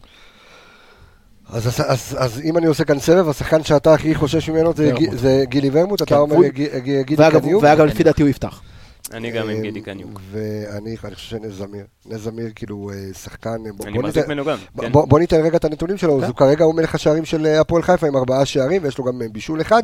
אה, יש לו אה, 18 איומים אה, לשער, אה, ו-13 איומים מתוך הרחבה, והוא גם מקום ראשון בקבוצה בדריבלים. אז אה, אני חושב, לא יודע, זה, זה ככה, אני... אני רואה, אה, כאילו, אני גם עוקב אחריו, אני גם מכיר את, את, את הילד. אני חושב שילד מאוד מאוד מוכשר וצריך מאוד להיזהר ממנו. מ, מ- גם לגבי נס זמיר, נס כשהוא. לא פותח בהרכב, כן. כשהוא נכנס בתור, לרוב זה חילוף ראשון, הוא מאוד כן. משנה את המשחק, הוא מכניס הרבה אנרגיות חיוביות, הרבה, אה, הוא הרבה נכנס לשחק הרחבה. אנשים לא כן. זוכרים, אבל בגיל זמיר התחיל 16 בדיוק הוא היה בחו"ל. בסרגוסה. סרגוסה. הוא לא, הוא 16 לא גדל בילדים של ריאל מדריד איפשהו? לא, לא, לא. לא, לדעתי הוא היה... שאני מדבר אני על מישהו אחר. היה איזה מישהו שגדל בזה של ריאל מדריד? לא, אני חושב קצת, אחרת בספרד. אבל אה, נס זמיר היה בסרגוסה. כן. לא, זה אני באיזה יודע שהיה 16 או בסרגוסה, אבל לא. יודע מישהו שיחק בנוער או בילדים של ריאל מדריד, אני לא זוכר מי זה היה, אה, אבל אני צריך לבדוק את זה. גוטי. אה. גם גוטי גדל שם. יאללה, יאללה. אה, כן, טוב, אז אני רוצה אה, לה- לה- להמשיך, אנחנו, את הדרבי הזה. מי... רגע, שנייה, אני אחליף את השאלה, רציתי, הייתה לי שאלה זו, אני אשאיר אותה קצת לסוף. האם אנחנו עולים, או ממליצים למרקו בלבו לעלות עם אותו הרכב בדיוק, כשהוא פתח בשישה משחקים האחרונים בליגה? כן, לא, שחור לבן. לחזור- לחזור אליך? מה? לחזור אליך? אני-. חושב על תענה על כ... זה. אני- יש לי כמה אז תחשוב רגע, רעיונות. תחשוב, כן. לחזור אליך בסדר. כן. כן, אלכס. אה, אני חושב שכן. אני חושב שכן.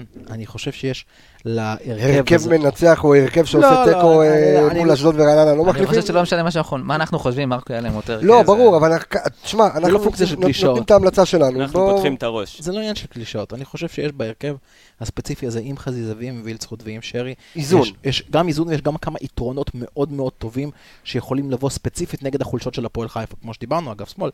אה, ושרי באמצע הוא שרי הרבה יותר טוב מאשר שהוא לוקח את הכדור אחורה, ונטע באמצע זה, זה, זה תעודת ביטחון, ו- ויובל אשכנזי עם ההצטרפות שלו, יש הרבה דברים טובים בהרכב, וכמובן עופרי ארד ומבוקה בימין, יש הרבה דברים טובים בהרכב הזה שהייתי משמר.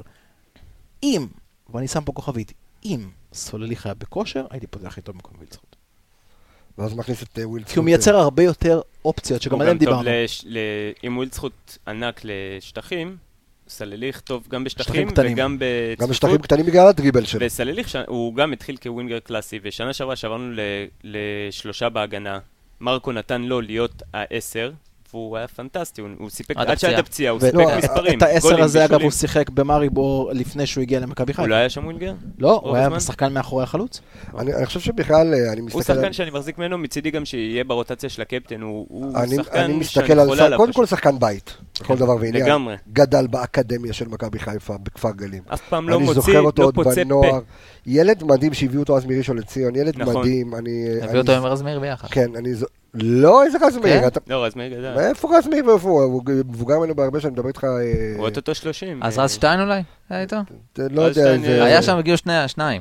לא, לא, אבל ממש לא, סולליך, אני מדבר כן? איתך. סולליך לקח אליפות במכבי חיפה בקדנציה הקודמת. עם את אלישע. האליפות אה, האחרונה עם אלישע. סולל גם החמיץ את אחד המצבים נגד בני יהודה אה, ב- זה היה משחק במשחק. בכורה שלו לדעתי בדיוק, אצלנו. רז מאיר אז היה, רז מאיר באותה תקופה בכלל היה. שותה מטרנה ביד שמאל והופך ליד ימין. זה לא, זה, זה לא... אתה בטוח שעשית בימין ולא בשמאל? לא יודע מה מרקו. אמר לו, אבל באותה תקופה.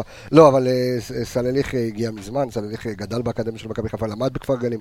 מגיל 16, אם אני לא טועה. כן, כן. כן, כן. אמ, ואני זוכר אותו עוד בנוער של מכבי חיפה, ילד מאוד מאוד מאוד מוכשר, ואני חושב שבאמת, אמ, אם דיברנו, אפרופו שדיברנו בתוכנית הקודמת, על שחקנים שלקחו אליפויות, אה, אז יש, את- יש בקבוצה את חיימוב שלקח אליפויות, ויש. בקבוצה את אה, סינטיאלו סוליך שלקח עם מכבי חיפה אליפות, אה, שזה ככה, אתה יודע, איזשהו אה, משהו נורא, נקודה. אה, נקודה ככה. בוא נחזיר לפה עוד אה, בחור שלקח. אליפות. ואני חושב, כי יאללה אתה רוצה, כן.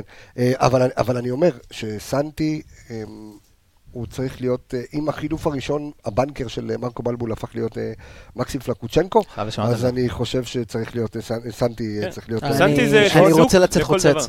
על? אני לא, על- החילוף. אתה לא יודע באיזה סיטואציה אתה תהיה בתוך לא, המשחק. זה בסדר, אני אני מדבר אם לא... אם אתה מוביל, אם בשלישייה אתה מוביל התקפית. ואתה רוצה יותר ליצור את ההחזקת כדור ואתה רוצה ליצור יותר צפיפות במרכז המגרש בשביל למנוע כל אפשרות שלהם להתקיף אותך, מקסימום זה החילוף, לא משנה כמה סול לכתוב. למה? אני, אני יכול להגיד לך שאני, אני, כאילו, אני חושב שסנטיאו הרבה יותר טוב בחילוצי כדור ממקסים. מקסים, הבעיה היחידה שלי איתו, זה הקטע של החילוצי כדור שהוא ממש לא טוב בזה, ממש. ואתה יכול לשים את סנטי מבחינתי גם בשלישיית קישור, והוא ילחץ והוא יהיה דינמי, והוא ירוויח כדורים הרבה פעמים אבל שוב, כמו יותר שאמרנו. הוא הוא צריך להוריד חלודה. אז אה, הוא כן, צריך נכון, להיכנס נכון, עוד כמה נכון. דקות כן. ועוד זה, נכון. ואחרי שבעה, שמונה חודשים שהוא לא שיחק. אבל אני חושב שזה בהחלט, אה, סלליך זה רכש. זה שחזר- לגמרי, זה חיזוק. שחזר אלינו וצריך, כן, בדיוק חיזוק חיזוק. שאנחנו... עכשיו, יש אה, עוד פרמטר הוא גם בישל אתמול את הגול הראשון, כן, אחרי כן. חילוץ. אחרי חילוץ. אחרי חילוץ. איבוד, חילוץ, בישול, יפה. ו- יש פרמטר שאנחנו לא מדברים עליו. בעיטה מטורפת. אה, עד כה, בתוכנית לא דיברנו עליו, וזה נושא הכושר, זה נושא העייפות. מבחינת השחקנים שרצו כרגע 120 דקות, רק אתמול, נכון. וצריכים לעלות מחרתיים למשחק של דרבי. וזה פרמטר שבעיניי, ככל שיעברו הדקות, יהיה לזה הרבה יותר השלכה, השלכות. לכן, זה משחק שאולי מכבי חיפה צריכה לבוא עם ה drive של בוא נשים רגע בצד המחצית השנייה, בוא נכריע את המשחק הזה כבר נכון. במחצית הראשונה. נכון, לגמרי. שחקנים לא צריכים, גם מבחינתי, גם צהובים, לא צריך, צריך לנצח את המשחק הזה קודם, לא צריך לחשוב מה יהיה עוד מחזור ועוד שניים. אתה, אתה חייב קודם כל, ברגע שאנחנו חושבים על מחזור הבא, אנחנו אוכלים. ב- כן. שבת. וואו, שבת. זה- זה צפוף. לגבי ואז, ואז. יש לך הפסקה עד ליום שני. כן. לגבי הצהובים, נקודה מעניינת שיש לנו סכנת הרחקה, כן. זה נטע לביא, דולב חזיזה וסן מנחם. סן עם ארבע כבר? כן, בדוק? קיבלו עכשיו בגביע. יש לי שאלה. זו שאלה שבטח אם רגע, מישהו... צהובים בגביע זה נחשב גם כן. לליגה? כן, כן. אה, יש לי שאלה, מעניין אם מישהו יגיב לנו. אם אתה מקבל אדום בדרבי, אתה מורחק נגד אה, קריית שמונה. ו... ואתה... לא, אתה רוצה שנטע יקבל אדום ו- ישיר? ואתה- מלטף בוא איזה נגיד- שחקן הפועל חיפה. בוא. נגיד, אם הוא מקבל אני לא יודע אם צהוב- זה מבטל אדום. מה? אם אם זה מבטל צהוב, כאילו, אם זה מבטל את החמישה צהובים. לפי דעתי כן. זה... אני חושב שיש חוק... אם- אם נטע עם צהוב, או חזיזה, או סן, ואתה מוביל 1-2, כדאי- קבלו אדום. כדאי שוורמוט או קניוק ייזהרו על הרגליים שלהם. דרך אגב, משהו שמראה על הקבוצה. הבריאה שאנחנו, לדעתי עוד לא הרחיקו לנו אף שחקן ב-14 מחזורים, שאני לא זוכר מתי היה לנו את המצב הזה, ש-14 מחזורים לא מרחיקים לנו אף אחד, אף אחד לא מאבד עשתונות, אף אחד לא... וואלה, אין לנו הרחקה אחת. לא, מישהו לא זוכר זוכר, הרחקה לא אחת? שזכור לי. אני גם לא זוכר אף. הרחקה. דרך אגב, לגבי האדום, אני 14 וואו. משחקים. לא, אף 14 לא, אף לא. הרחקה אחת, כולל, דרך אגב, גם באירופה, אה, הרחיקו לנו את חבשי נגד אה, שטרסבורג, כן, לא, לא משנה. אבל גביע הטוטו לא הרחיקו לנו, ובגביע לא הרחיקו לנו, ובליגה. ובאירופה, חוץ מהמשחק הזה, יש עוד ובליגה. קבוצה שלא הרחיקו לה? מעניין מאוד. טוב, יאללה, דור, כן, זה שלך, תבדוק. תבדוק, ואני. אחזור להרכב. איך אני אוהב את הנתונים שלך על הבאזר. הוא. חוזר כן, אליך עכשיו, הפועל חיפה. לא. כן. אני לחזור להרכב, כן. אני אתחבר, עשיתי את החושבים שלי עם עצמי, אני אתחבר למה שאלכס אמר, אני כן אפתח עם אותו הרכב הרגיל, אוקיי. מה שכן, יש מקום ל... לשינויים פנימיים. שינויים פנימיים, שזה? זאת אומרת, תנועה יותר של הווינגרים פנימה, שמישהו תמיד יצטרף לניקיטה, אם זה שרי, אם זה אשכנזי, אם זה ווילצחוט, אם זה חזיזה, מישהו מצטרף לניקיטה, ומשם הדרך לכדורים מדויקים לתוך הרחבה, ובסופו של דבר, בעיטות למסגרת, מצבים איכותיים מתוך הרחבה, זה המפתח לניצחון. אה, זה מה שהיה חסר בדרבי הקודם, שהיה לנו גם איזה ארבעה או חמישה בעיטות למסגרת, רק אחת או שתיים מהם מתוך הרחבה. אם נצליח להגיע למצב שארבע, חמש בעיטות למסגרת מהרחבה, אתה מנצח את המשחק. עוד דבר. שאני, עוד דבר שאתמול אה, גם נס ציונה אה, ככה קפץ לעין וגם, אה, אתה אתה תמשיך לחפש, אני יש לי פה את הנתון המעניין שלך, אני מקריא אותו, אז אתה תחפש את הנ- את הנתון של האדומים, כי זה. מעניין מאוד. כן. אה, על עניין, אתה יודע, גם הכושר שלנו וגם זה שקבוצות, אתה יודע, נורא מבזבזות זמן מול מכבי חיפה, כולם נשכבים על הזה. אז דור וייס, נתון, הביאו לנו פה נתון, מהפועל תל אביב, כן. עם השער של הבוקר, רציתי להביא את הנתון הזה. אז הנה, אז אז זה הצטבר ונהיה יותר גרוע, אז דור וייס מביא לנו פה נתון מהסרטים. זה שמכבי חיפה, עצוב להקריא. מכבי חיפה משחקת, משחקת 90 דקות פלוס, אם בוא נגיד עם כל ההערכות וזה, בממוצע זה מה שרשום על 96-97 השעון, דקות. בפועל, בדיוק, אבל בפועל, שימו לב, נגד רעננה מכבי חיפה שיחקו 97 דקות, בפועל שיחקו 66 דקות, נגד אשדוד 98 דקות, השופט אה, סימן, אבל בפועל שיחקנו 60 דקות, זה היסטרי, שימו לב שוב, נגד חדרה. 99 אה, דקות השופט אה, הורה על הלוח, אבל בפועל שיחקנו 63 דקות, נגד הפועל תל אביב גם 99 דקות ובפועל 60 דקות. בקיצור, אנחנו משחקים, אנחנו משחקים כאילו 60 דקות. שעה מתוך שעה וחצי משחק, תוסיף אקסטרות, מכבי חיפה משחקת, למה כולם מותחים שרירים, מבזבזים את הזמן, השומר נשכב, זה נורא ואיום. שמע, שתי זה- דברים זה שאני חייב גם להגיד על צריך זה. להכניס, כן. לשופטים צריכים, לה- אנחנו מדברים על- הרבה על הקהל, הרבה על אה, קבוצות, על מנ- על מנהלי קבוצות, עניינים, זה כן. זה זה, בעלים. שופטים צריכים להבין שיש להם את הכוח, אין להם אבל. יש להם את להם. הכוח. ברגע ששחקן מותח שריר, אתה אומר לו, צא בבקשה החוצה, ואתה מעכב, תעכב בעוד 20 שניות עד שאתה מכניס אותו. תן, תן סוג של יתרון לא, לא, לקבוצה אני- שמשחקת, אני אתה חייב- יכול לעשות אני את חייב זה. לחלוק עליך. אה, וגם זה תלוי בנו כמובן לא להוציא כדור, שחקן נשכב. וזה אנחנו לא עושים. שחקן נשכב, לא, יוצא, לא מוצאים כדור, לא כלום. אה, אדומים. אז אז רגע, כן, תמשיך את מה אני שרציתי חייב להגיד. לחלוק עליך, אני חושב ש... כי אני רוצה שעם הזה של- עם הנתונים שלך אנחנו נתון, נסיים, כן. זה נתון שהוא... הוא- הוא- ואה, ועוד משהו, זה ששופטים, שיש, אה, אה, שיש תוספת זמן, ובתוספת זמן דקה שתיים מתבזבזות, והשופט לא מוסיף את זה. אה, מבזבזים דקה, תוסיף שתי דקות. קודם- כל מילה זהו. אחת לצופים שלנו לפני שהם קופצים, איך שחקנו 97 דקות, 98 דקות, 99 דקות, שתי תוספות, שתי מחציות. נכון. זה דבר ראשון. קודם כל גם צריך להגיד שמשחק כדורגל בכללי, זה לא שמשחקים 80 דקות מ-90 דקות, בדרך כלל זה יהיה סביב אולי 70 דקות, משהו כזה. אז זה לא יהיה אבל- אבל משמעותי. אצל מכבי. חיפה זה כרוני, כי זה אתה רואה... כן. בדיוק לשם כן. רציתי ללכת. זמן ממוצע של משחקי פרמייר ליג, אם אני לא טועה, ואל תתפסו אותי במילה, עומד באזור ה-75 דקות למשחק. אנחנו מדברים על רבע שעה. אפילו אולי קצת פחות. אנחנו מדברים על רבע שעה שהיא לפה ולשם. עכשיו, אם אנחנו כ- כאומת כדורגל, לא, הליגה ליגה- השישית- בטבעה, בדיוק באתי להגיד את זה. אנחנו חייבים לפתור את זה. זה, זה, זה משהו שחייב להיות פה בתוך החוקה, אתה מסכים איתי ששופט שמוסיף, יהיה מהפכני. אה, הוא מוסיף חמש דקות, ואז תראה. אחרי זה, אם בזבזו זמן, מוסיף עוד שתי דקות על זה, ושהמאמן, כמו בוא שהיה נגיד- בוא נגיד בבני יהודה נגד כן. קריית שמונה. בוא נגיד לך מה. אינטרס של כל שוער, אינטרס של כל שוער, זה לספוג את הצהוב הראשון. שיספוג את הצהוב הראשון בדקה השנייה. יפחדו לתת לו את הצהוב השני. לא יפחדו, לא ייתנו אין לו. תקדים כזה. אז שיעשו אין תקדים. תקדים בכל הכדורגל ששוער קיבל צהוב שני על בזבוזי זמן. אין תקדים כזה. שוער מקבל צהוב, אתה נתת לו כרגע גושפנקה לבזבז כמה זמן שהוא רוצה, לא משנה מה יתהפך העולם. הוא צריך יכול לסמן הש- ככה על השעון. אתה אומר צריך לבוא השופט הגבר הראשון ולתת אדום. לא, אין לך תקדים לזה, אתה לא יכול לעשות את זה. בטח שאתה? יכול. חוקית חוקתית- אתה יכול. לעשות את זה? כן. אני לא בטוח. מה, לא למה בטוח, יש- זה זמן? למה יש משהו שאומר לא בטוח, בחוקה של אבל צהוב שני זה לא אסור קרה על בזבוז זמן? בשום מקום ב- בעולם. בוא, אה, אה, אסתטית, אנחנו נבדוק את כדורגל, זה. אתה רואה מצד אחד קבוצה שכיף לך, לא, זה מגעיל. זה גועל נפש, זה זה לא. הורס את לא כל הזה. טוב, אנחנו, אה, בוא, בוא, בוא, זה לגבי אדומים. כן. שתי קבוצות העונה לא קיבלו אדום בליגה, אנחנו ב... בני יהודה. וואלה. כמה מכבי הפועל תל אביב גם קיבלו אדום? כן. אה, דור פרץ. נגד בני יהודה. כן, נכון. אדום אחד. נגד בני יהודה. אז יפה, אז מכבי חיפה היא הקבוצה השנייה בליגה שלא מקבלת אדום. יפה, איך שאמרת את זה עכשיו, אנחנו בדרך. יפה. לך תדע, אולי, אתה יודע, זה. קצת עצבים, קצת זה. קצת... הדרבי חוקים משלו. אבל- אם אנחנו מקבלים אדום, אז נטע. כן, לא, אבל דרך. אגב, אדום ישיר, אתה מורחק אוטומטית לשני משחקים. fuck. נכון. אה, נכון. נכון, נכון, לא נכון. משנה, תשכח מזה. שימו לב. צריך צהוב, צריך בצהובים. לא, אסור צהוב. לא, צהוב הוא גם נגד צהוב לא. אתה תופס מאחורה בחולצה, ואז אחר כך, מהלך אחרי זה שהוא מוציא את הכדור, תופס אותו עוד פעם מאחורה. צהוב שני. דרך אגב- אני לא יודע אם זה נכון, אוקיי. אבל אה, קראתי באחד האתרים שאחרי הגול של חזיזה, נטע רץ בכוונה יחף למגרש. כדי לקבל צהוב? ולא נתנו לו. ארז פפיר אה. אמר לו, זה לא יקרה, תחזור לספסל. באמת? כן. אני גם קראתי את אבל. אני חייב להגיד, אם כבר אם כבר זרקנו שנייה קטנה למשחק נס ציונה, היה בדקות הראשונות, של דקה עשירית, אם אני לא טועה, מאבק אה, כדור של סם מנחם, שהוא קפץ לכדור גובה. כן, ראיתי את זה. וכשהוא ירד, את- כשהוא ירד לכדור. גובה, הוא העיף וואחד טק. לט... לא, לא, זה לא היה כזה. אה, זה היה עם כל הלב לא, והנשמה. באוויר, לא, באוויר. באוויר. עם ור הוא מקבל אדום. מה זה אדום? אדום קל פלוס זה לא... אתה ראית את זה, קבסה? אתה ראית את זה? אתה יודע מה אנחנו מדברים? לא. סאן קפץ עם שחקן לכדור גובה, שחקן אה, אליו, ועשה לו זה, ככה, נתן לו את הסטירה הזאת. ובירידה נתן כן. לו ככה. זה אדום. כאילו, תגיד-. מה תגיד, זה אדום. אדום, אדום, בסדר גמור. טוב, אז אה, אנחנו נקווה שאת השבוע הזה אנחנו נסיים אה, בירוק, אה, ולא שאתה- באדום. לפני שאתה הלוואי, מסיים. הלוואי. כן. זה שני משחקים שאחריהם יש לנו את מכבי תל אביב, ויש לנו גם מעבר לזה, יש לנו שמונה ימים של לתת לכולם לרדת לקרקע, לתת לשחקנים, הפציעות זה שני הקטנות. משחקים לבוא, לתת. זה שני משחקים של לבוא. לתת, זאת, זה שני משחקים כל כך, כל כך, כל כך קריטיים. דרבי, סוף סוף לנצח, לתת לקהל להרגיש גאווה בעיר, להסתובב עם נגד החזה מי מכבי תל אביב, נפוח. דרך אגב? עכשיו? כן. הם נגד בני יהודה, ושבוע הבא הם נגד כפר סבא. אוקיי, טוב. אז בני יהודה זה קבוצה. שהם לא ניצחו, נכון. והם מגיעים אחרי...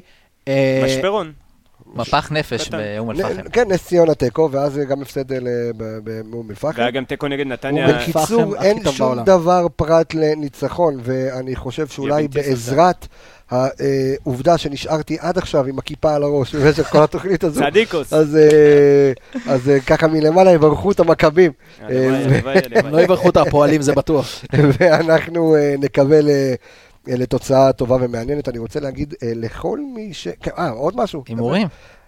אה, ראית. שזה עבד בתוכנית האחרונה רגע, שלו? לא, לא, לא, זה לא עבד. יש לי חבר שלי ששמע את הפודקאסט, כן, ההודעה הראשונה שולח לי, מה זה, למה לא הימורים? אוקיי. אני גם אומר.